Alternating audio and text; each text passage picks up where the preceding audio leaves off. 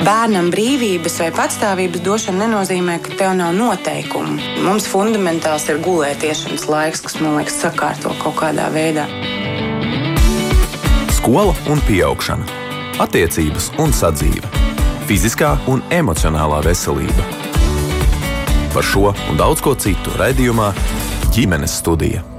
Labdien, klausītāji! Atgādinājumu par to, cik būtiskas ir labas matemātikas zināšanas pat tad, ja darba dzīve netiek saistīta ar eksakto zināšanu, padziļinātu apgūju, skan aizvien biežāk. Arī cik ļoti darba tirgus gaida speciālistus, kur izvēlējušies apgūt kādu no STEM jomām. Tomēr centralizēto eksāmenu rezultāti parāda, ka matemātikā gadu no gada ir vissliktākie rezultāti. Nu, paskatāmies, nu, piemēram, pērn 9. klases beidzēju vai vidējais vērtējums matemātikā bija 51%, turklāt matemātikas eksāmenā bija arī vislielākais izkritušo skaits, proti 826 skolēni. Vēl pērnais gads, tātad vidusskola, vidusskolas absolventi šajā mācību priekšmetā vidēji ieguva vērtējumu 35%, bet nepieciešamo 10% vērtējumu neieguva vairāk nekā 8% skolēnu.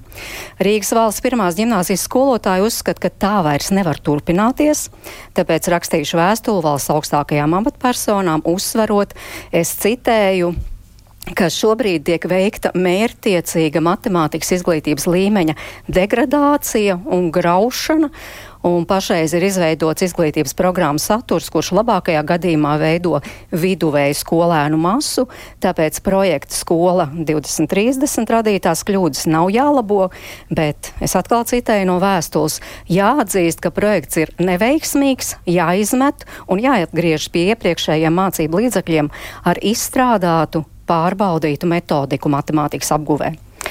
Vai šim apgalvojumam piekrīt arī citi matemātikas skolotāji, vai tiešām matemātika, kuru pašreiz māca skolās, vairs nav īsta matemātika? Šādi jautājumi uzdod producents Armīti Kolātu, un es mērdzu notiņu sasveicinos ar mūsu studijas viesiem. Proti ar Rīgas valsts pirmās ģimnāzijas matemātikas skolotāju Daci Anģāni. Labdien! Labdien arī privātās vidusskolas patnis matemātikas un arī fizikas skolotājam Aleksandram Vorobjovam. Sveiki. Un sveiciens arī Latvijas Universitātes pedagoģijas, psiholoģijas un mākslas fakultātes lektoram Gatim Lāmam. Sveiki. Jā, Gats pats arī desmit gadus strādājis kā matemātikas skolotājs, atzinās vairs nestrādā tikai māca studentus, bet nu, tās jūsu intereses ir vidusskolēnu caurvīju prasmes matemātikas mācībās. Jā. Es atgādinu arī klausītājiem, tātad varat eh, sekot līdzi mūsu sarunai un komentēt un jautāt eh, ne tikai mūsu mājaslapā, arī dzen WhatsApp saziņa tagad ir pieejama tālruņa numurs 2566 0440. Bet vispirms uh, vēršos pie Dāces. Nu, tātad atgādiniet par šo vēstuli, kas tajā bija rakstīts. Astoņas lapas puses, protams, visas necitēsim, bet uh, jūs uzsverat tādus trīs svarīgus punktus, kāpēc mums ar to matemātiku iet.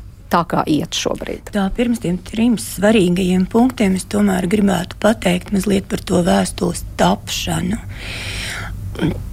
Sociālajos tīklos ir izskanējis viedoklis, ka mēs tā kā par sevi uztraucamies, uh, Mēs tā kā vēl pagaidām tiekam galā. Protams, situācija kļūst ar vien sliktāka, bet uh, Mēs jau nestrādājam tikai Rīgas valsts pirmajā gimnājā. Mums ir vairāki skolotāji, kas strādā arī citās, tā teikt, parastās skolās. Mums ir vairāki skolotāji, kas strādā universitātē un nodarbojas ar topošo matemātikas skolotāju sagatavošanu. Un visi matemātikas skolotāji vada arī kursus 6. un 9. klasē. Sākotnēji tie kursi vēl joprojām laikam saucas kā sagatavošanās iestāju eksāmeniem vai iestāju pārbaudījumam mūsu gimnājā vai vispār gimnājās. Bet jāsaka, ka pēdējos laikos mēs esam tālu, tālu, tālu prom no tā, un ar katru gadu ar vien vairāk mēs nesrēķinam kaut kādus matemātikas uzdevumus un kaut kādas idejas bīdam un kaut ko skaidrojam, bet mēs nonākam pie tā, ka šobrīd, 9. klases beigās, nu, otrajā pusē skolēni uzdod jautājumu, un tie ir tie skolēni, kas ir potenciāli mācīties gimnājās. Ja? Uzdod jautājumus, kāpēc 2x mīnus x nav 2. Nu, vai kaut kādus līdzīgus. Tas nozīmē, ka 9. klases beigās nav apgūti. Nerunāsim par kvadrātvienādojumiem, kvadrātu nevienādībām un citiem smalkumiem, kas ir vajadzīgi vidusskolā, bet nav apgūti pat uh, identiskie elementārie pārveidojumi. Bet kur jūs redzat iemeslu? Tātad, Kāpēc? Nu, mēs rakstījām jau pirms pusotriem gadiem vēstuli, jo tā situācija nav jau tā, ka uzreiz ir skola 23 krasi uz leju.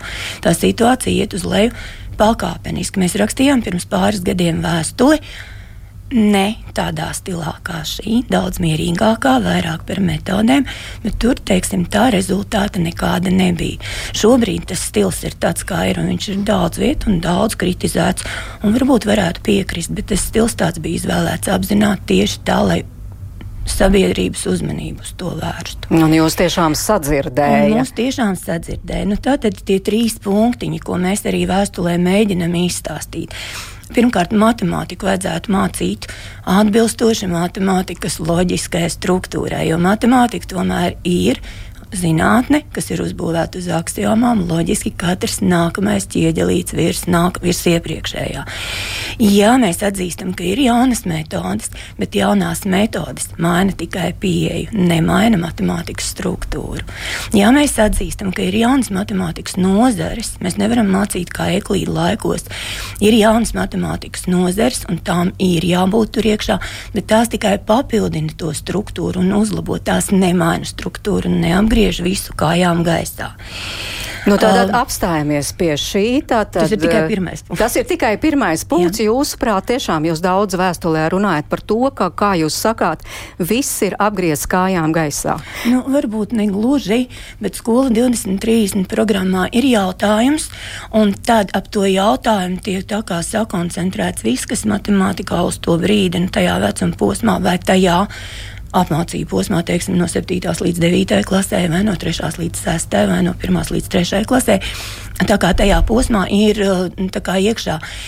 Bet, uh, Es uh, atbalstu, ka tāda pieeja varētu būt tad, kad mēs to visu esam apgūši, un tad mēs varam paskatīties no visām pusēm. Bet, piemēram, ja ir jautājums par nu, piemēram, sakarībām nu, starp malām trīs stūrī, nu, kāpēc tur runā par paralēlu taisnu īpašībām. Nu, tur kaut kāds sakars ar neeklīdu ģeometriju pamatskolā, es nezinu. Nu, Jā. Ļausim iesaistīties arī pārējiem mūsu sarunas dalībniekiem, Aleksandra, klausoties, un tagad Dacete konkrētu piemēru jau minēja matemātikā. Tikai, tikai viens, jā, tikai viens piemērs, kurš šķiet neloģisks. Vai jūs kā matemātikas skolotājs arī tā spriežat?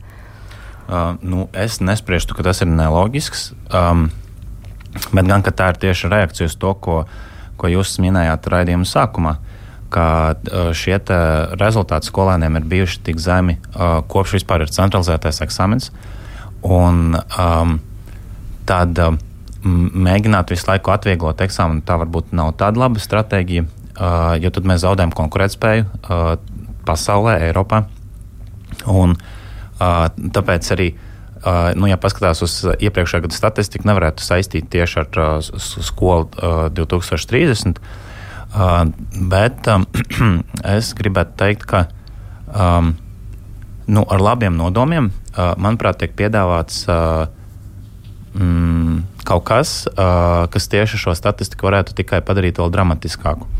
Jo, ja mēs nu, mēģinām nu, tagad, šajā brīdī, ar tiem skolēniem, kas, kas Latvijā ir, ieviest tādu strikti akadēmisku matemātikas mācīšanu, tad, manuprāt, šis vidējais rezultāts noteikti būtu vēl dramatiski sliktāks. Un tie vairs nebūtu 800 skolēni, kas izkrīt eksāmenā. Minēšu iemeslu, kāpēc man tā šķiet. Par to ir pētījumi. Ka, ka skolēni ne tikai Latvijā, tas ir viss, faktiski visas pasaules fenomens, uzskata matemātiku par pārāk sarežģītu mācību priekšmetu, lai tajā iedziļinātos. Un, ja mēs šobrīd šīs nu, jaunā standarta, tas vēstījums faktiski divos vārdos bija par pielietojamību. Kā, ka mēs mācāmies nevis sarežģītu matemātiku, bet noderīgu matemātiku. Un tā ideja varbūt tās nelīdz galam iesakņojās uh, uh, nezinu, komunikācijā. Uh, un, uh, tagad, uh, um, tagad, manuprāt, um, būtu nevis jādomā par to, kā matemātiku padarīt vēl formālāku un kā atgriezt, uh, nu, nezinu, uh, senās Grieķijas kaut kādas idejas, bet kā to padarīt bērniem pieejamāku, lai viņiem būtu izpratne par to, kāpēc tad. Uh, 2x minus 2x uh, nav 2. Mm -hmm. nu jā, te ir tas jautājums, vai tā ir formāli tiek mācīta, vai kā jūs sakāt, tā ir pielietojums, un skolēni labāk redz to pielietojumu, bet Dācis teica, ka neloģisks ir šis izkārtojums. Teiksim, mm -hmm. no uh, skolēna tiek prasīts kaut kas tāds, ko viņš vēl īsti nav apguvis. Nu, piemēram. Mm, patiešām pētot uh, programmu ne tikai matemātikā, bet arī citos mācību priekšmetos Mēs arī patnī pamanījām to, ka ir daudzas uh, nesakritības. Un ir daudzas vietas, kurās it kā ir iecerēts, ka es kā matemātikas skolotājs varēšu sadarboties ar kādu citu mācību priekšmetu un parādīt, kā var pielietot visas šīs idejas. Un ļoti bieži ir tā, ka, ka šis konkrētais jautājums ir mācīts uh, pilnīgi citā gadā, bet um, mēs iekšējā skolā nolēmām uz to skatīties kā uz, uh, nu, nevis kā uz šķērsli, bet kā uz uh, atrisināmu lietu. Un, uh, Nu, kā jūs to, piemēram, uh, esat risinājuši? Varbūt kāds spilgts piemērs nāk jā, prātā, kā atrisinājuši? Mm, man patiešām nāk spilgts piemērs, teiksim, uh, nu, piemēram, tajā brīdī, kad, uh, kad skolēni mācās uh, tādu jēdzienu kā um, nu, kaut vai četras stūris. Ja? Viņi sāk apgūt uh, četras stūra īpašības, uh, un uh, tad um, mēs no vidusskolas aizdevām teikt, vienu ideju par to, ka viņi raksta tikmēr literatūrā pārspriedumu, eseju, kur ir kvalitātes kritēriji no, ir no abiem mācību priekšmetiem. Gan latviešu valodā tiek vērtēta interpunkcija, stils, vispārējais. Matemātikā tiek vērtēts, vai tur parādās apgūtās īpašības. Un, um, Tas bija tāds uh, mēģinājums sasaistīt šos priekšnesus tur, kur programmā tas nav īsti iekodēts iekšā.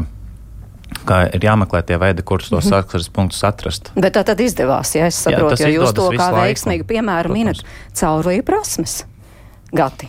Jā, sveiki. Es pirms gribētu teikt, ka liels prieks, ka diskusija vispār ir sākusies, un ka mēs par to runājam, un, jo, jo tas, tā problēma jau ir sasāpējusies stipri ilgi, arī kā kolēģi saka. Un tā nav viena pāri, tā, tā nav viena reforma, tās ir vairākas reformas, un nav jau runa tikai par reformām, varbūt arī dažiem tiem, tām neveiksmīgajām lietām, kā piemēram mācību materiālu izstrāde, kas visur pasaulē parasti iet roku rokā ar reformu. Ja šeit viņi nav, nav gājusi roku rokā, vēl vairāk ārzemēs parasti šī te, tātad, mācību grāmatu izstrāde ir veids, kā šo reformu īstenot, un iespējams, ka, iespējams, ka šīs reformas tāds Eh, klupšanas akmens bija, ka es vēl tajā brīdī strādāju skolā. Iespējams, ka es šo vēstījumu saņēmu nepareizi, eh, bet tas vēstījums man, man likās, ka ir tāds, ka jūs visu darat nepareizi. Eh, un tagad mēs nāksim un stāstīsim, kā ir jādara pareizi. Iespējams, ka tā bija tikai mana sajūta. To es nevarēšu pateikt, bet tas, tas, protams, mm, tas, protams tā nav protams, labākā pieeja, kā to sākt. Un tad arī, kad es sāku rakstīt savu, šo promocijas darbu par caurvīju prasmēm, tad pirmais jautājums ir par šo vēsturisko pēctecību, vai tiešām nekas tāds nav bijis. Nu, un analizējot, analizējot tad, matemātikas vidusskolas matemātikas programmas, sākot jau no pirmās neatkarības laikā, faktiski atklājas, ka kaut kas tāds ir bijis. Un nav tā, ka šīs caurvīju prasmes, ko mēs arī tagad uh, virzam iekšā, ka nekas tā no tām nav, nav viss bijis iepriekš programmas. Protams, ka ir bijis. Uh, runājot, runājot, runājot par, uh, par secību. Es gribētu cerēt, ka cilvēki, kas šo reformu izstrādāja, viņiem bija mērķis. Es, es negribētu domāt, ka, ka tas bija ļaunprātīgi kaut kādā veidā darīts. Kaut kādas lietas tur, protams, līdz galam nesiet kopā. Droši vien, tas mērķis bija iepazīstināt ar kaut kādu jēdzienu, nu, piemēram, no vizuālā aspekta, un pēc tam mācīt viņu padziļināti, teiksim, jau, jau kārtīgi, matemātiski un, un tam līdzīgi. Vai tas būs veiksmīgi vai nebūs veiksmīgi, to es nevarēšu atbildēt. Bet es jau vienmēr saku, ka es esmu optimists. Es jau no, teiksim, ja es, ja es mācītu skolā, tad es mēģinātu no šīs jaunās pieejas paņemt kaut kādu daļiņu, jo tas, ko es parasti saskāries skolā, ir arī tas, ka mēs bieži vien pārspīlējam. Mēs ieraugam jauno reformu, un mēs mēģinām darīt visu tur, teiksim, tā, kā liekas, un, visu, un mēs aizējam otrā galībā. Un es domāju, ka tie ir tie lielākie riski. Ja, ja mēs, nezinu, mēs jau laikam vēl netikām līdz jautājumam par to atcelšanu, ja? nu, par atcelšanu, at, atlikšanu mm -hmm. atpakaļ līdz 2006. gadam, es laikam būtu drusku skeptisks, bet par to, ka, kad šeiksim, iespējams, ja tas ir iespējams kaut ko pārstādot, pārskatīt, tas droši vien būtu, būtu prātīgi. Nu jā, jo arī Rīgas valsts pirmās gimnāzijas uh, skolotāji uzsver, nu nav jau tas nekas jauns. Tas jau ir bijis, faktiski tā ir atgriešanās pie vecā, bet uh, nu kā tad šajā brīdī tiešām pārskatīt, kā mēs te dzirdam, vai uh, pilnībā pateikt, nē, šis viss nekā nekur nedara, jā, un atgriežamies pie tās formālās mācīšanas. Tā Aleksandrs uh, nosauc. Un iespējams, uh, faktiski Rīgas valsts pirmā ģimnāzija ir tā, kas turpina, es saprotu šādi. Vairāk formāli mācīt. Vairāk par saturu, nevis par metodēm. Un, kā jau teicu, mūsu skolā strādā dažādi pauģu skolotāji, un mēs strādājam ar ļoti dažādām metodēm. Un, uh, man liekas, ka nevienu skolotāju metodas īsti par akadēmiskām nevar nosaukt. Nevienu stundu es neesmu mūsu skolā redzējusi, kas būtu stunda lekcija. Lielākoties mums ir stunda saruna. Mums ir arī sadarbība, sadarbojies, kas tagad ir ļoti aktuāli. Tikai nes kāpēc Lielākā daļa pedagoģu uzskata, ka sadarboties nozīmē darbs grupās. Man ir absolventi, kas ir nākuši pie manis un teikuši, paldies, skolotāji, ka jūs iemācījāties mums sadarboties. Grupiņās pa trīs un pieci māca katrs strādāt, jo tās prasmes mēs lielākoties apgūstam arī ģimenē. Bet auditorijā, kur ir 30 cilvēki, ieklausīties, saprast, sadzirdēt, piedalīties sarunā ir daudz grūtāk, un arī tās ir sadarbības prasmes. Tā kā mūsu skolēni domā diezgan ātri, tad mēs vairāk darbojamies varbūt šādā veidā. Kaut gan mums ir arī darbi grupās, mums ir ļoti dažādas stundas, mēs ļoti dažādi darbojamies. Bet man vēl vienreiz ir jāuzsver, mēs esam pārprasti. Vēstule nav par metodēm, Vēstule ir par saturu, jo nemācot matemātiku, bet tikai skatoties uz matemātiku, nu mēs to latiņu nepacelsim un zināšanas nepacelsim. Tas punkts, divi, ko es gribēju sākumā arī teikt, ka mācīt matemātiku pamatskolā atbilstoši vecuma posmu īpašībām. Es nekādus jaunākus pētījumus neesmu redzējis, kaut gan smadzenes ir pētītas ļoti daudz, droši vien sakarā ar mākslīgo intelektu un visām citām lietām, bet es uh, joprojām lasu arī nesenos izdevumos, ka loģiskā domāšana, abstraktā domāšana tā ļoti straujos tempos attīstās no 11 līdz 13 gadiem. Tas ir taisnība 7. klase, 8. klase. Nav pārspīlēti, ja mēs tur ieviešam mainīgos, ja mēs jau no 7. klases palēnām sākam darboties ar izteiksmi pārveidošanu. Izteiksmi pārveidot, mainīgie izteiksmi pārveidošana, funkcija, vienādojums, nevienādības. Okay, reizināšana, polinoms, saīsinātās reizināšanas formulas, viss pārējais palēnām jau no 7. klases, gan atstājot laiku iepazīties, atstājot laiku prasmēm, tas ir saprast, apgūt, saprast, jo bez saprašanas nekas nenotiks, iemaņām. Tas ir vingrināties, lai tās varētu nu, līdz tādam līmenim, lai varētu uh, izmantot pēc tam radošā darbībā, jo nekāda radoša darbība bez iemaņām nebūs. Nevis tā kā tagad to visu atstāt uz 9. klases otro pusgadu, visas smagākās lietas, domājot, ka skolēns nu, tā kārtīgi mācīts būs jau tik gatavs, ka viņš tagad visu saliks kopā un visu mācīs izdarīt. Kā redzams, ja tās prasmes varbūt uzrādās, tās tām iemaņām vairs nepietiek laika, kur nu vēl radošai darbībai. Mm -hmm. Gati, jūs tā piekrītoši, jā, šobrīd mājat ar galvu. Ne, es, es domāju, ka kas tur ko nepiekrist, jā, nu, profesionāli ilgi gadus tā darbojās, bet uh, es, es ilgi domāju par to, kāds tas ir saistībā ar to, ko es esmu izpētījis. Un es arī, protams, izpētīju tikai kaut kādu daļu no lauka, līdz ar to man tāda pilna atbilde par šo nav. Uh, tas, ko mēs redzam noteikti arī eksāmeniem, uh, eksāmena rezultātu krišanās un vispārējais, es gribētu domāt, ka mērķis ir bijis eh, atvieglot mācību programma. Jo tas, tas ir tas, ko vismaz uh, pētījumos ir minējušas dažādas Āzijas valsts, uh, skolas, Āzijas valsts, jā, ka viņas atbrīvo šo mācību programmu. Nu, es negribētu teikt, no nu, nevajadzīgām, nekas nav nevajadzīgs, viss ir kaut kādā mērā vajadzīgs, bet no kaut kādām sarežģītākām lietām, lai stiprinātu šo izpratni un sapratni. Nu, tas ir tas, ko tas, es gribētu domāt, ka tas ir tas, kas ir iespējams mēģināts darīt šeit. Mm -hmm. nu, bet atvieglojot mācību saturu, Rīgas valsts pirmās gimnāzijas skolotājs saka, mēs ražojam mm viduvējības. Labs jautājums. Pilnīgi iespējams.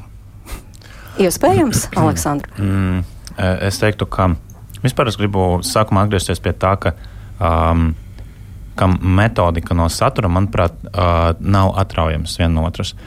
Tāpēc, ka iepriekšējais uh, standarts kādreiz bija par to, ka um, ka satura bija uh, pārāk daudz. Uh, es nerunāju par to vienu procentu skolēnu, kuri ir uh, paši talantīgākie mūsu valstī, ja? Un kuri jebkādu satura apjomu spēj apiekt, bet uh, vispār kopumā par, par kā, jebkādu skolēnu. Un šiem skolēniem tas iepriekšējais standarts bija pār, pārblīvēts. Un, uh, tāpēc, uh, kā sekas no tā, uh, kas ir arī pētījumos pierādījies, 2015. gadā, piemēram, Latvijā bija apjomīgs pētījums tieši par to, kā veicās ar iepriekšējā standarta ieviešanu. Tur bija ļoti skaidri signāli, ka pirmkārt skolotāji, es nerunāju par gimnāziju skolotājiem, bet kopumā par valsts tur bija uh, monitorēti 200 uh, eksakto jomu jom skolotāju. Secinājums bija, ka uh, 60% gadījumu uh, skolotāji vada nu, savā ziņā lekcijas. Viņi nodod uh, gatavas zināšanas, uh, strādā pēc gatavas zināšanu nodošanas pieejas. Uh, Un tad uh, saturs var būt uh, jebkāds. Ja tu strādā šādā veidā, tad uh, no tā skolēna paņem uh, minimumu, ļoti mazu daļiņu. Un, uh, man arī ļoti patīk tas, ko Gatis minēja par, uh, par caurvīju prasmēm, ka tas nav uh, nekas jauns. Tāpat var teikt pa, patiesībā izglītībā par jebko. Uh, jautājums ir par to, nu, pieņemsim, kaut kā tās pašas, uh, uh, to pašu matemātisko kompetenci, ko es savukārt esmu pētījis. Um, tad um, tur arī parādās, ka, piemēram, uh, Eh, ka vārda kompetence izpratne ļoti ilgi uh, bija, ka tas ir sinonīms vārdam prasme. Un eh, tas bija ļoti, tāds, tas bija tāds ļoti brutāls vienkāršojums šim vārdam. Mūsdienās mēs ar tos 21. gadsimtā saprotam un sagaidām no skolēniem, ka viņi ne tikai būs ar zināšanām un prasmēm, bet arī ka viņi būs ar, ar attieksmēm, proti, ka viņi būs neatlaidīgi, ka viņi būs zinātnākāri, ka viņi būs viedokļu līderi, ka viņi zinās, ko iesākt ar šīm zināšanām. Mēs pat labāk, nu, turpinot, jo ir, jā, manuprāt, ir šajā sarunā jāpiemina arī godīgi jāpiemina tas, ka Latvijā tālu ne visas skolas strādā pēc jaunā standarta. Ir jau trīs gadi pagājuši, kur ir jāstrādā pēc šī standarta. Um, nevienmēr tas tā notiek, līdz ar to um, ši, šis arī būtu jāaktualizē. Um, nu, lūk, Bet rezumējot, ir tā, ka. Um, Pie, piemēram, pētot to pašu kompetenci, ja, to, ko tagad mēģina ieviest. Patiesībā jā, tas ir uh, gadsimtiem sen, sena atziņa, ka, ka skolēni mācās vislabāk tad, ja, ja viņiem ļauj būt uh, atklājējiem, ja viņi ir uh, pētnieki, ja viņi ir tie, kuriem skolotājs ļauj kaut ko uh, izdarīt. Uh, ja tā ir stunda, kas notiek lekcijas formātā, nu, kas, kā statistika rāda, Latvijā ir diezgan liela tendence, tad atklājējs ir tikai skolotājs. Mm -hmm. nu, bet šo visu jau tieši akcentē pilnveidotais mācību saturs, tas, par ko Absoluti. jūs, uh, Aleksandra, runājat, bet Dace, jūs tomēr nepiekrītat. Oh, es... Jo, jo starp citu, izskan, izskan tādas Nebeig, domas, uzman. sociālajos tīklos arī var lasīt, jā, ir skolas, kuras uh, strādā joprojām pēc šīs, nu, vecās metodas, tā teikt, un, un tas tiek runāts arī par Rīgas valsts pirmo ģimnāziju. Standarts jau nosaka saturu. standarts jau nav programma. Ja mēs standartu nerealizējam pēc skolas 20, 30 izstrādātās programmas, tas nenozīmē, ka mēs standartu nerealizējam. Ja mēs iemācām kaut ko vairāk nekā standartā, tas nenozīmē, ka mēs standartu ignorējam. Nu, tad piekrītiet, taču, ka eksāmeni ir sastādīti, lai pārbaudītu, kā skolēni ir apguvuši standartu. Ja 9. klases eksāmenā pirmajā gimnājā ir virs 95%, nu kā tad var apgalvot, ka pirmā gimnāzija neizpilda standārtu? Jā, protams, izpilda, bet nu, tomēr jūs strādājat ar to vienu procentu, kā Aleksandrs teica, ar tiem standārtu. īpaši talantīgajiem. Jā. Vai tur ir atšķirības strādāt ar tādiem īpaši talantīgiem matemātiķiem un ar uh, skolēnu, kuram varbūt tik labi nepadodas matemātika? Gati? Paldies, protams, ka ir. protams, ka ir. Es mazliet vēl pieskaršos iepriekšējā lietā, ja tad par to, ka tas mācību saturs, kas ir pārblīvēts, ir mēģinājums citās valstīs samazināt. Tas risks, kas var notikt, mēs jau tā varam samazināt vēl un vēl un vēl un vēl. Tas, kam ir jānāk vietā, ir jānāk vietā tā izpratnē par to, kas paliek. Ja mēs to varam nodrošināt, tad es teiktu, ka viss ir brīnišķīgi. Ja mēs to nevaram nodrošināt, tad šis samazinājums noteikti novedīs nekur. Ja nākamajā samazinājumā pēc kaut kāda laika. E, nu, tad līdz ar to tas, tas, ko skolotājiem būtu jāņem no šī vērā, ka mums tagad ir jāiemācās tas, kas tur ir rakstīts, plus vēl ar visu izpratni un saprašanu. Ja? Tas, ir, tas, tas, tas ir tas, kas ir tēmēts šeit.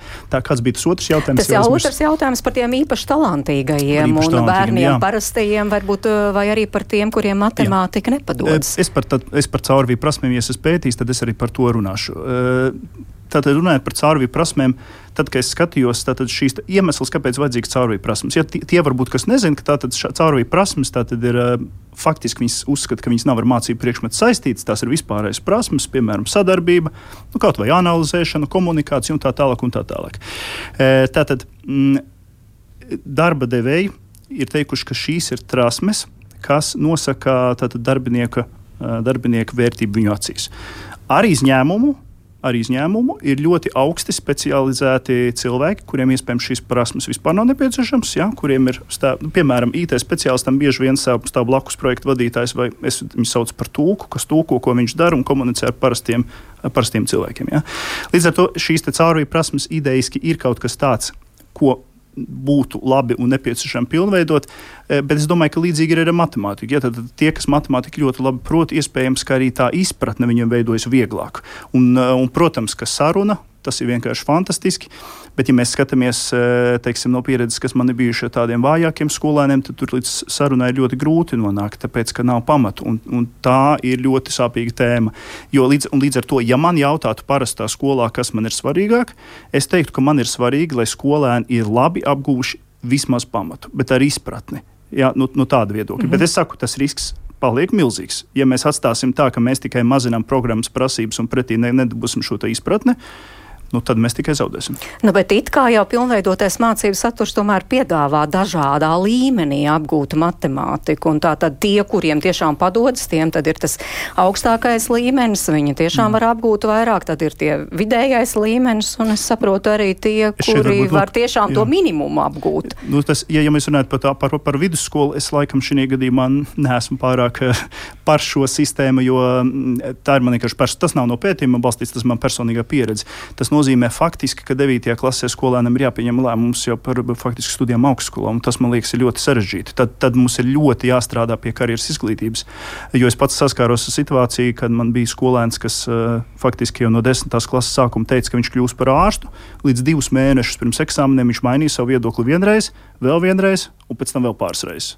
Nu jā, bet tomēr par matemātiku šī diferenciācija, kas ir kaut kas jauns tomēr izglītības sistēmā, vai tā tomēr uh, ļauj skolotājām vieglāk un precīzāk strādāt, Aleksandra? Es teiktu, nosacīt, tas arī nosacīt ir kaut kas jauns. Uh, jo būtībā nu, uh, pirms kādiem gadiem, desmit, uh, es rakstīju maģistra darbu par diferenciāciju. Un, ja to laikā aizstāvēšana man minēja, ka nu, kur var izvēlēties tik uh, klišejisku tematu, tas taču ir uh, krustišķi ērsām viss sen izpētīts.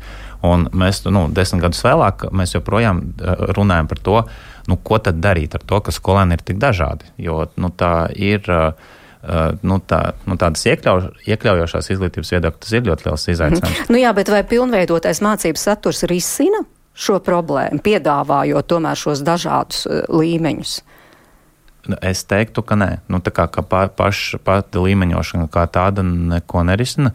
Jautājums ir par to, ko skolotājs ar to dara. Jo šobrīd man ļoti patika šis komentārs par to, ko Gatis teica par to atslogošanu, ka tā ir jāiet roku rokā ar to, ka mēs, nu, ja iedvesmē jau nāk no, protams, ir saprotams no valstīm, kurām ir augstākie rezultāti pasaulē matemātikā, nereti šis izraisa tādu smīnu un kritiku par to, ka mums ir pašiem sava tradīcija, mums nav pašiem sava tradīcija, mums viss ir nokopēts no Vācijas, nu, vēsturisko saikšņu dēļ, un no Krievijas un no, nu, no kaimiņu valstīm būtībā. Tāpēc, tad, kad pasaka šobrīd, ka, ka mums nebūtu jāskatās, ko dara labākie pasaulē, tad tas man izraisa izbrīnu, bet nu, ne par to ir stāsts. Stāsts ir par to, ka ja mēs diferencējam uz tā rēķina, tikai uz tā rēķina, ka mēs at, atmetam kaut kādas lietas, uh, Protams, ka mēs apzogam skolēnu. Un, ja kopā, komplektā nenāk šī izpratne, nereti es dzirdu, nu, piemēram, vadot kursus, seminārus skolotājiem par matemātiku, par saturu, par šo jauno. Um, es uh, diskusijās es dzirdu šos, šīs atziņas par to, ka skolotājiem nav izpratnes, ko, ko darīt, uh, ka uh, nav skaidrs, kā piepildīt, nu, ka, ka skolotāji vienkārši runā par to, kā lai es aizpildu laiku bet tas parāda par to, ka, ka cilvēkam pašam nav izpratnes un kā, kā tad nu, būvēt izpratni skolēnam. Tāpēc uh, nereti tur uh, tas laiks ir atvēlēts diezgan daudz. Uh, tieši ar domu, ka, ka skolēni ļoti pamatīgi tajā iedziļināsies. Pretī nereti ir tāda neizpratne, ka, ko, ko ar šo jēdzienu vispār iesākt. Kur, protams, daļai atbildi ir to, ko Gatis jau minēja, resursi.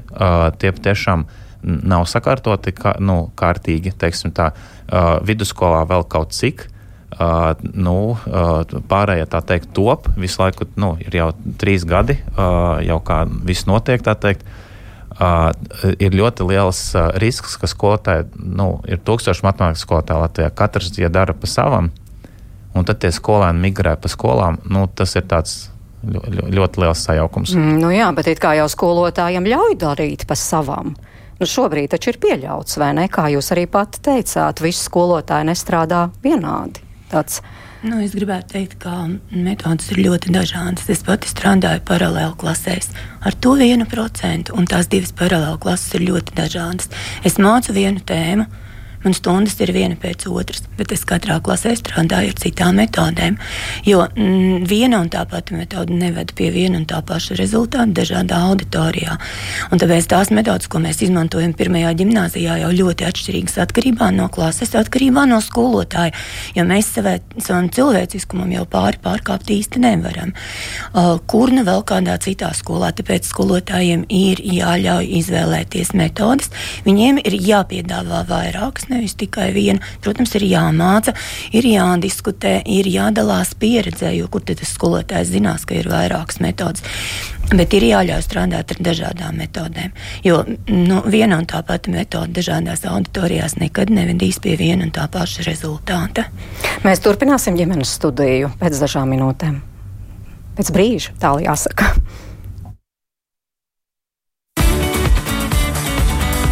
Mēs tiekamies ģimenes studijā. Nu, lūk, brīdis varējām šeit viesi arī noklapoties, mm -hmm. bet tātad pie mums studijā Rīgas valsts pirmās gimnāzijas matemātikas skolotāja Dace Anģāni, privātās vidusskolas patnis, eh, matemātikas un arī fizikas skolotājs Aleksandrs Vorobjos un arī Latvijas universitātes pedagoģijas, psiholoģijas un mākslas fakultātes lektors Gatis Lāma. Un tātad atgādinu Rīgas valsts pirmās gimnāzijas eh, skolotāju, matemātikas skolotāju, un tas nevienām nav noslēpums. Šī gimnāzija ir mūsu nu, tādu spilgtāko matemātiķu kalve bijusi ir šobrīd un būs noteikti arī turpmāk, tātad ceļ trauksmes zvanu, ka kaut kas nav kārtībā ar to matemātikas mācīšanu un galvenokārt vaino šo pilnveidoto mācību saturu, kas ir ieviests un kā mēs te dzirdējām, kas nu, to atvieglo, bet līdz ar to vai skolēni ir ieguvēji vai nav jūs uzskatāt, ka nē? Nu, kā jūs teicat, tas viss notika pakāpeniski. Skola 20, 30 tam visam vienkārši punktu pielika. Un tas, ka mums izdevās uzrakstīt tādu vēstuli, kas to visu pacēla, tas varbūt vairāk ar skolu 20, 30. Bet šeit ieskanējās arī tas skolotāja faktors. Un kā mēs jau zinām, vai tas tomēr nav svarīgāks un būtiskāks, ja mēs vērtējam, kāpēc tomēr mums ar to matemātiku neiet skolēniem vai mm. no lielai daļai skolēni. Jo, zināt, skolo, skolotāji trūkst, īpaši jau matemātikā. Par matemātikas skolotājiem strādā pārmācīta, nezinu, sociālo zinību skolotāji, bibliotekāri un tam līdzīgi.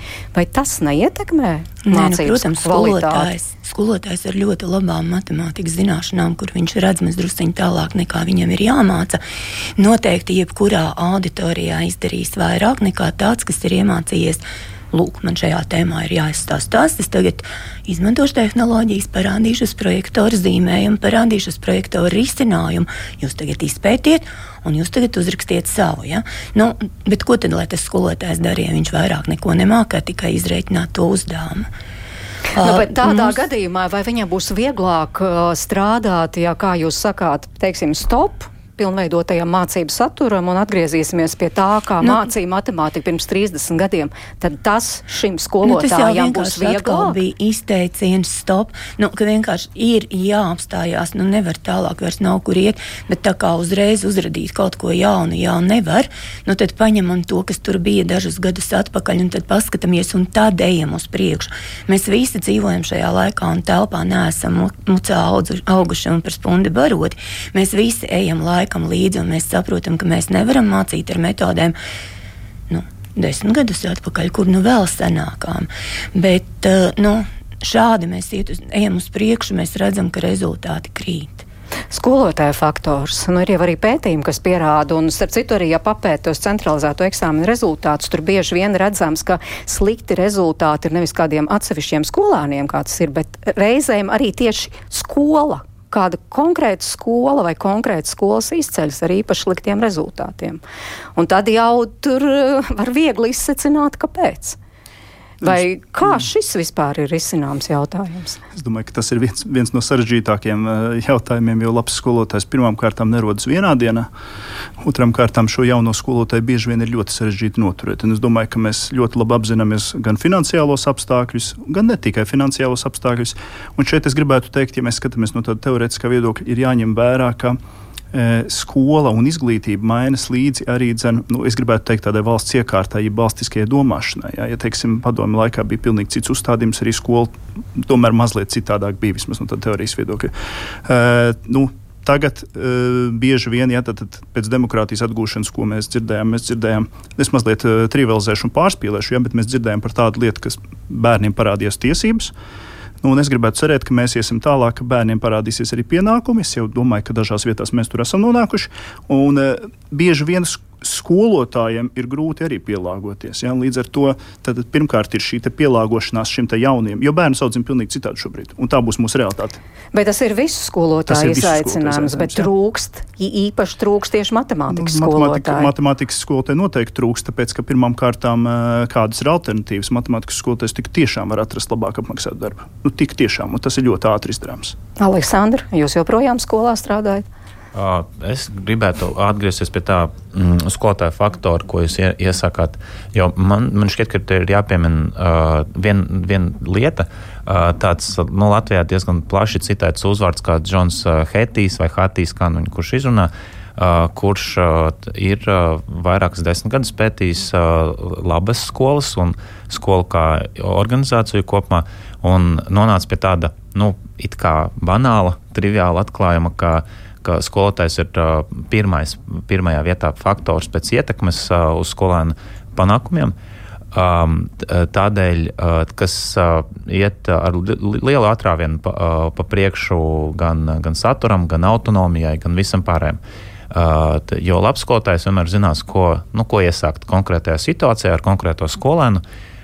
Taču tad atkal ir jānodala, ka savukārt pēc um, Jo šie ir nu, tādi jau izglītībā, viss, kas ir nezinu, pieci gadi, tas jau ir novecojis. Tā arī tas ir jāsaprot. Un tāpēc, cik pēc pieciem gadiem vismaz ir jāpārskata lietas, un tam pašam, tai pašai jaunajai programmai, tā vienkārši iztrūka tāds uh, sarunāšanās posms un refleksija. Mums vienkārši, mēs kā vienmēr atduramies pret uh, cilvēku resursu mūsu valstī, jā, kā, ka kurš to darīs un kad. Uh, ik pa laikam mums solīja, ka nu, kā, lūk, šogad uh, pārskatīs un ņems vērā skolotāju uh, ieteikumus un rekomendācijas. Un tā tas, uh, nu, tas uh, aicina, nezinu, uzsaukums palika gaisā karājoties, un tas nenotika faktiski. Ja? Uh, tagad it kā varbūt arī daļai šīs vēstules ietekmē, daļai arī tāpēc, ka ir kaut kādas pārkārtojumi vispār kopumā izglītībā, uh, ka tomēr pie tā sola atgriezties, nu, kā, kā, kā pavērties. Bet es gribētu arī akcentēt to, ka pēc pandēmijas savukārt ir tapuši jau vairāki uh, pētījumi, kuri parāda to, kā kā izolācija ir ietekmējusi skolēnu uh, nu, uh, teiksim, mācīšanās paradumus. Un tur parādās tas, ka skolēni ir kļuvuši nu, ne, ne visi, bet ar tādu tendenci ka ir kļuvuši tramīgāki, ir kļuvuši noslēgtāki, ir kļuvuši tādi, kuriem par pirmo, pirmajā vietā viņam vairs nav skolotāja faktors, bet gan pārliecība par sevi. Un tas ieskanas visur, arī Latvijā šāds pētījums tika veikts, Vācijā, Austrālijā, jebkurās valstīs, kur to nu, izpētīja parādījās, ka, ka visvairāk skolēnu bremzē nu, viņa kaut kāda iemantotā nu, nedrošība. Un mēs arī kā, publiskā telpā nemitīgi kladzinām to, ka matemātika tas ir tik grūti, tas ir tik sarežģīti. Uh, tas narratīvs būtu ar steigu jāmaina uz to, ka matemātika tas ir tik noderīgi. Ka 21. gadsimtā, ja, ja nu, zinot matemātiku, tu vari būt daudz labāks eksperts, daudz labāks darbinieks.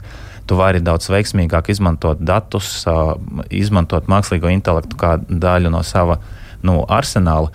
Tad, bet es nedzirdu šo narratīvu uh, sarunās uh, par un ap matemātiku. Jā, ik pa laikam pasaka, ka ir vajadzīgi inženieri, un uh, nu, ar to arī kā, beidzas pa, pamatā šīs sarunāšanās.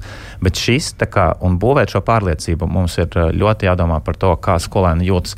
Bet uh, par to jau, nu, es gribētu teikt tā, ka pat Lavans strādāja privātu skolā, kur, uh, protams, ir konkurētspējas atalgojums, bet es sāku savu uh, karjeru skolotāja uh, ļoti zemu apmaksātā Rīgas skolā, kur nu, tās algas ir absolūti smieklīgas. Bet es vienkārši to darīju tāpēc, ka mm, vienkārši man patika šis darbs. Man ļoti patika skolēni, joprojām patīk. Tas ir mans galvenais motivators, kāpēc es pārēju uz skolu. Nu jā, tā daudz skolotāji saka, patika darbs, un tā droši vien arī gads var teikt, bet, nu, diemžēl, jā, finansiāla apstākļu dēļ eh, vairs nestrādāja skolā, bet eh, te ieskanējās arī par to 21. gadsimtu tāds uh, teikums, un, starp citu, šo um, Rīgas valsts pirmās ģimnāzijas skolotāja vēstūtā spilgt komentēja arī matemātikas skolotāja un Limbaža valsts ģimnāzijas direktora Gunta Lāce, un viņa raksta, nu, tas tikai īsts citāts, um, tātad.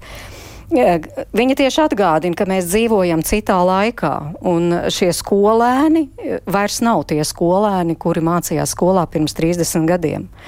Un, līdz ar to, kā Gunta Lāce raksta, esam neapskaužamā situācijā. Esošie skolotāji neprot mācīt pa jaunam, bet esošie skolēni vairs negrib un nespēja mācīties par vec, pa vecam. Nu, tā, tā ir tāda it kā neatrisināma pretruna.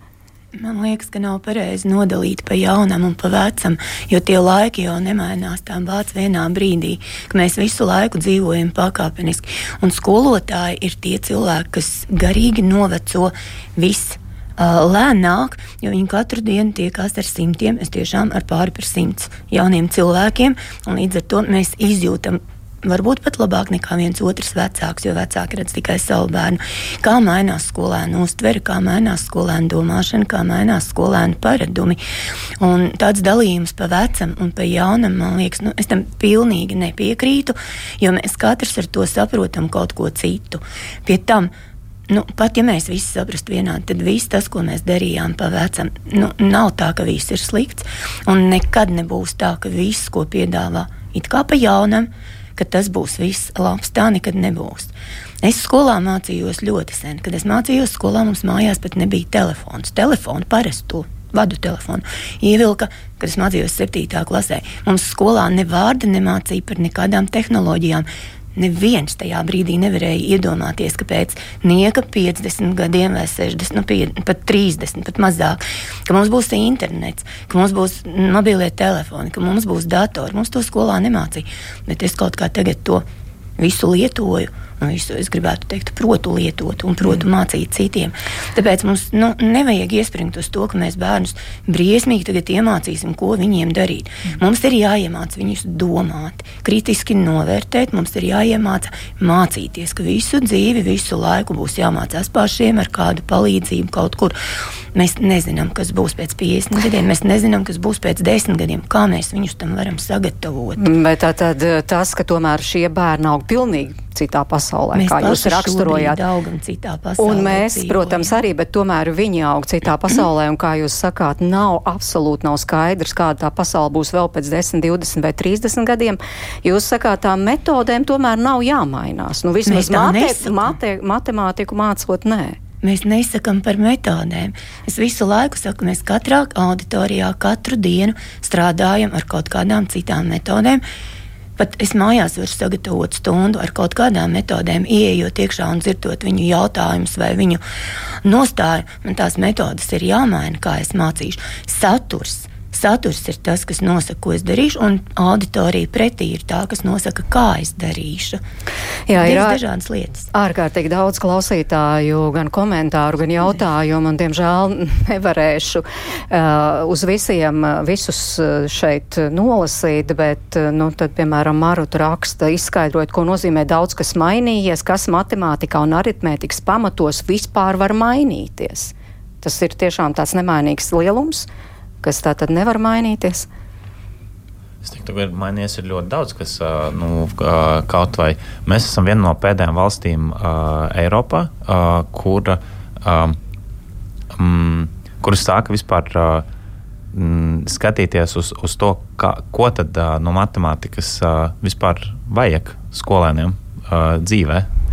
Um, Un ļoti ilgi uh, uh, matemātika Latvijā saglabājās uh, inerces dēļ. Nu, tā kā, tā, tāda kā, protams, es arī varu gremdēties nostalģijā par to, ka man arī ļoti patika mācīties matemātiku. Pie manis matemātikas skolotājas viņa mācīja uh, nu, uz uh, krīta tāfeles, un tam nebija nekādas vainas. Uh, Bet uh, man ir jāsaprot, ka ne jau runa ir par, par to, vai, vai to dara ar krītu. Runa ir par to, uh, ko dara vispār Un tad man, godīgi sakot, lielākais izbrīns ir nevis par to, ka ir tik liela pretestība tam, ka, ka matemātikas saturs tiek pārskatīts. Un, um, Tur var ironizēt par to, ka nu, aritmētika ir palikusi tā pati, jā, bet jautājums ir, ko ar to aritmētiku dara.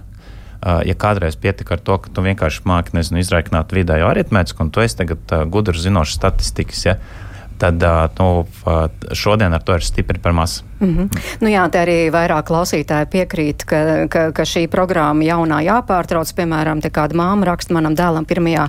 Nē, 4. klasē matemātika māca pēc skola 2030 ļoti vāja programma.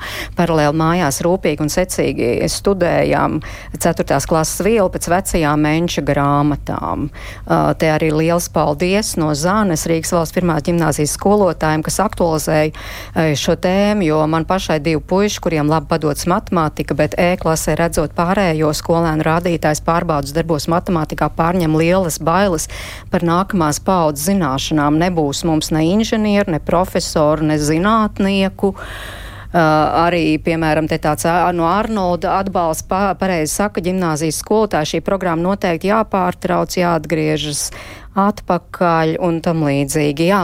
Bet, eh, nu, tā tad, ko darīt? Starp citu, es sazinājos arī ar Valsts izglītības satura centra izglītības satura departamentu direktoru Diānu Šavalginu, un uh, viņa man stāstīja, ka tā tad um, ir iepazinušies, un, piemēram, izglītības un zinātnes ministrijā ar šo skolotāju vēstuli, ka ir jau bijušas pārunas ar ministri, ka šobrīd, uh, teiksim, ģimnāzijas skolotājiem ir dots mēnesi ilgs pārunas pārdomu posms, un eh, tad tiek aicināti uh, gan valsts, Rīgas valsts pirmās ģimnāzijas, gan arī citi skolotāji pulcēties darba grupā un nevis pārtraukt šo pilnveidoto mācību saprast, bet saprast, kur tad ir tās būtiskākās kļūdas un kā tās var izlabot.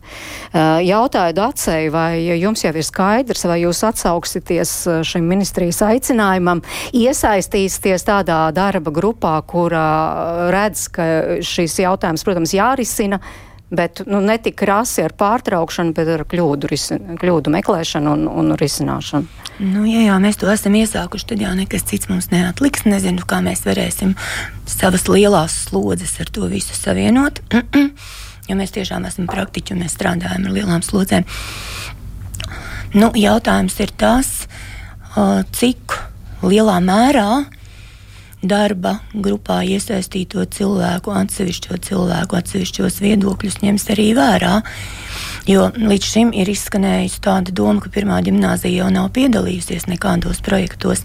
Jā, no savas slodzes dēļ mēs neesam bijuši darba grupās, bet mēs vienmēr esam piedalījušies kursos, un mēs kursos esam mēģinājuši sākumā pavisam klusiņām un pavisam pieklājīgi izteikt savu viedokli, nu, vai vismaz bažas, vai vismaz jautājums par to, kur tas ved un kā tas ved un ko vajadzētu darīt vai varētu darīt.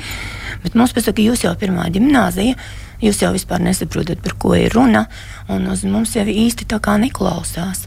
Runājot nu, par visu, ko varbūt nobeigumā, runājot par skolotājiem un par visu pārējo.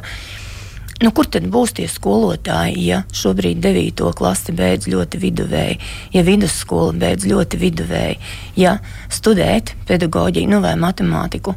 Un uz skolām aiziet viduvēji skolotāji. Nekas jau labāks ar to nekļūs. Tas skolotājs jau nevar gribēdams būt labs, būt labs, ja viņam nav pamatu. Un par to matemātiku un dzīvi man kaut kā vienmēr ir smaida uzdzinis tā pielietošana dzīvē. Pirmkārt, līdz 20 gadiem cilvēks jau lielu daļu savas dzīves ir nodzīvojis. Otrakārt, mēs nezinām, kas viņu sagaida dzīvē. Un treškārt, ne jau liela daļa matemātika vispār nepielietos dzīvē, bet neizdzēšami smadzenēs būs tie procesi, kas būs notikuši to matemātiku apgūstot gan medicīniski, gan ķīmiski. Visi procesi ar neironiem, kas tur notiek, kas ir izpētīti. Tas viss palīdzēs pēc tam tajā lielajā dzīvē, nu, ar citiem tēliem, nevis matemātiskiem tēliem, izdarīt tās izvēles, izdarīt tos lēmumus, izdarīt tos pareizos spriedumus loģiskos. Mans mm. kolēģis minēja piemēru par futbolu. Skatoties futbolu, mēs redzam, kā futbolisti dzenā bumbu sitvārtos, un mums liekas, ka viņi to trenējas darīt. Bet viņi ikdienā trenējas sporta zālē, viņi trenē savus muskuļus. Un to jau neviens futbolu spēlējot neredz. Futbola laukumā viņi muskuļus vairs netrenē. Un tieši tāpat ir ar matemātiku. Mēs skolā mācot matemātiku ar abstraktiem tēliem, trenējam mūsu smadzenes, lai mēs lielajā dzīvē nu, darba dzīvē varētu izdarīt atbilstošus lēmumus, atbilstošus spriedumus. Bet tātad esat gatavi sēsties pa sarunu galdu, lai tiešām veiksmīgāk izdotos šo skolēnu smadzenes mm. trenēt, kā jūs sakāt. Ja jo es neatceros, viens no, manuprāt, ministriem kādreiz ir teicis, jā, nu ja jau Rīgas valsts pirmajā ģimnāzijā tik labi veids ar matemātikas mācīšanu, tad varbūt jāklonē šī skola, jāveido pēc šī mm. parauga, teiksim, arī citas skolas, un vēl... visiem būs labi, bet mums jau praktiski ir jābeidz. Jā, Runājot par veco un jauno. Mums te ir viens kolēģis, ne no mūsu skolas, starp citu, tāds salīdzinājums - skola 2030 un profesors seniors Jānis Mēnesis. Gan drīz vai viens pret vienu. Un tāpēc lūdzu nenoliekam to veco. Paldies par šo sarunu. Saku Rīgas valsts pirmās gimnāzijas matemātikas skolotājai Dacei Anģānai, privātās vidusskolas patnis, matemātikas un fizikas skolotājiem Aleksandram Vorobjovam un arī Latvijas Universitātes pedagoģijas, psiholoģijas un mākslas fakultātes lektoram Gatim Lāmam un atvainojos visiem, uh, uz kuru komentāriem nevarējām nedz atbildēt, nedz arī tos izlasīt. To tiešām bija daudz, tā kā cilvēks tomēr satrauc šis jautājums, tas ir svarīgs. Uh, jā, paldies, uh, ka klausījāties. Jums saka ģimenes studijas komanda, un tā ir Katrīna Bramberga pie skaņu pults, arī Sarmīta Kolāta, kas ir mūsu raidījuma producenti, un arī es Mairidz Notiņš šeit pie mikrofona, un tiekamies rīt 5 minūtes pār diviem. Mēs ģimenes studijā analizēsim, vai un kā mēs mākam plānot ģimeni tiekamies un jauku jums dienas turpinājumu!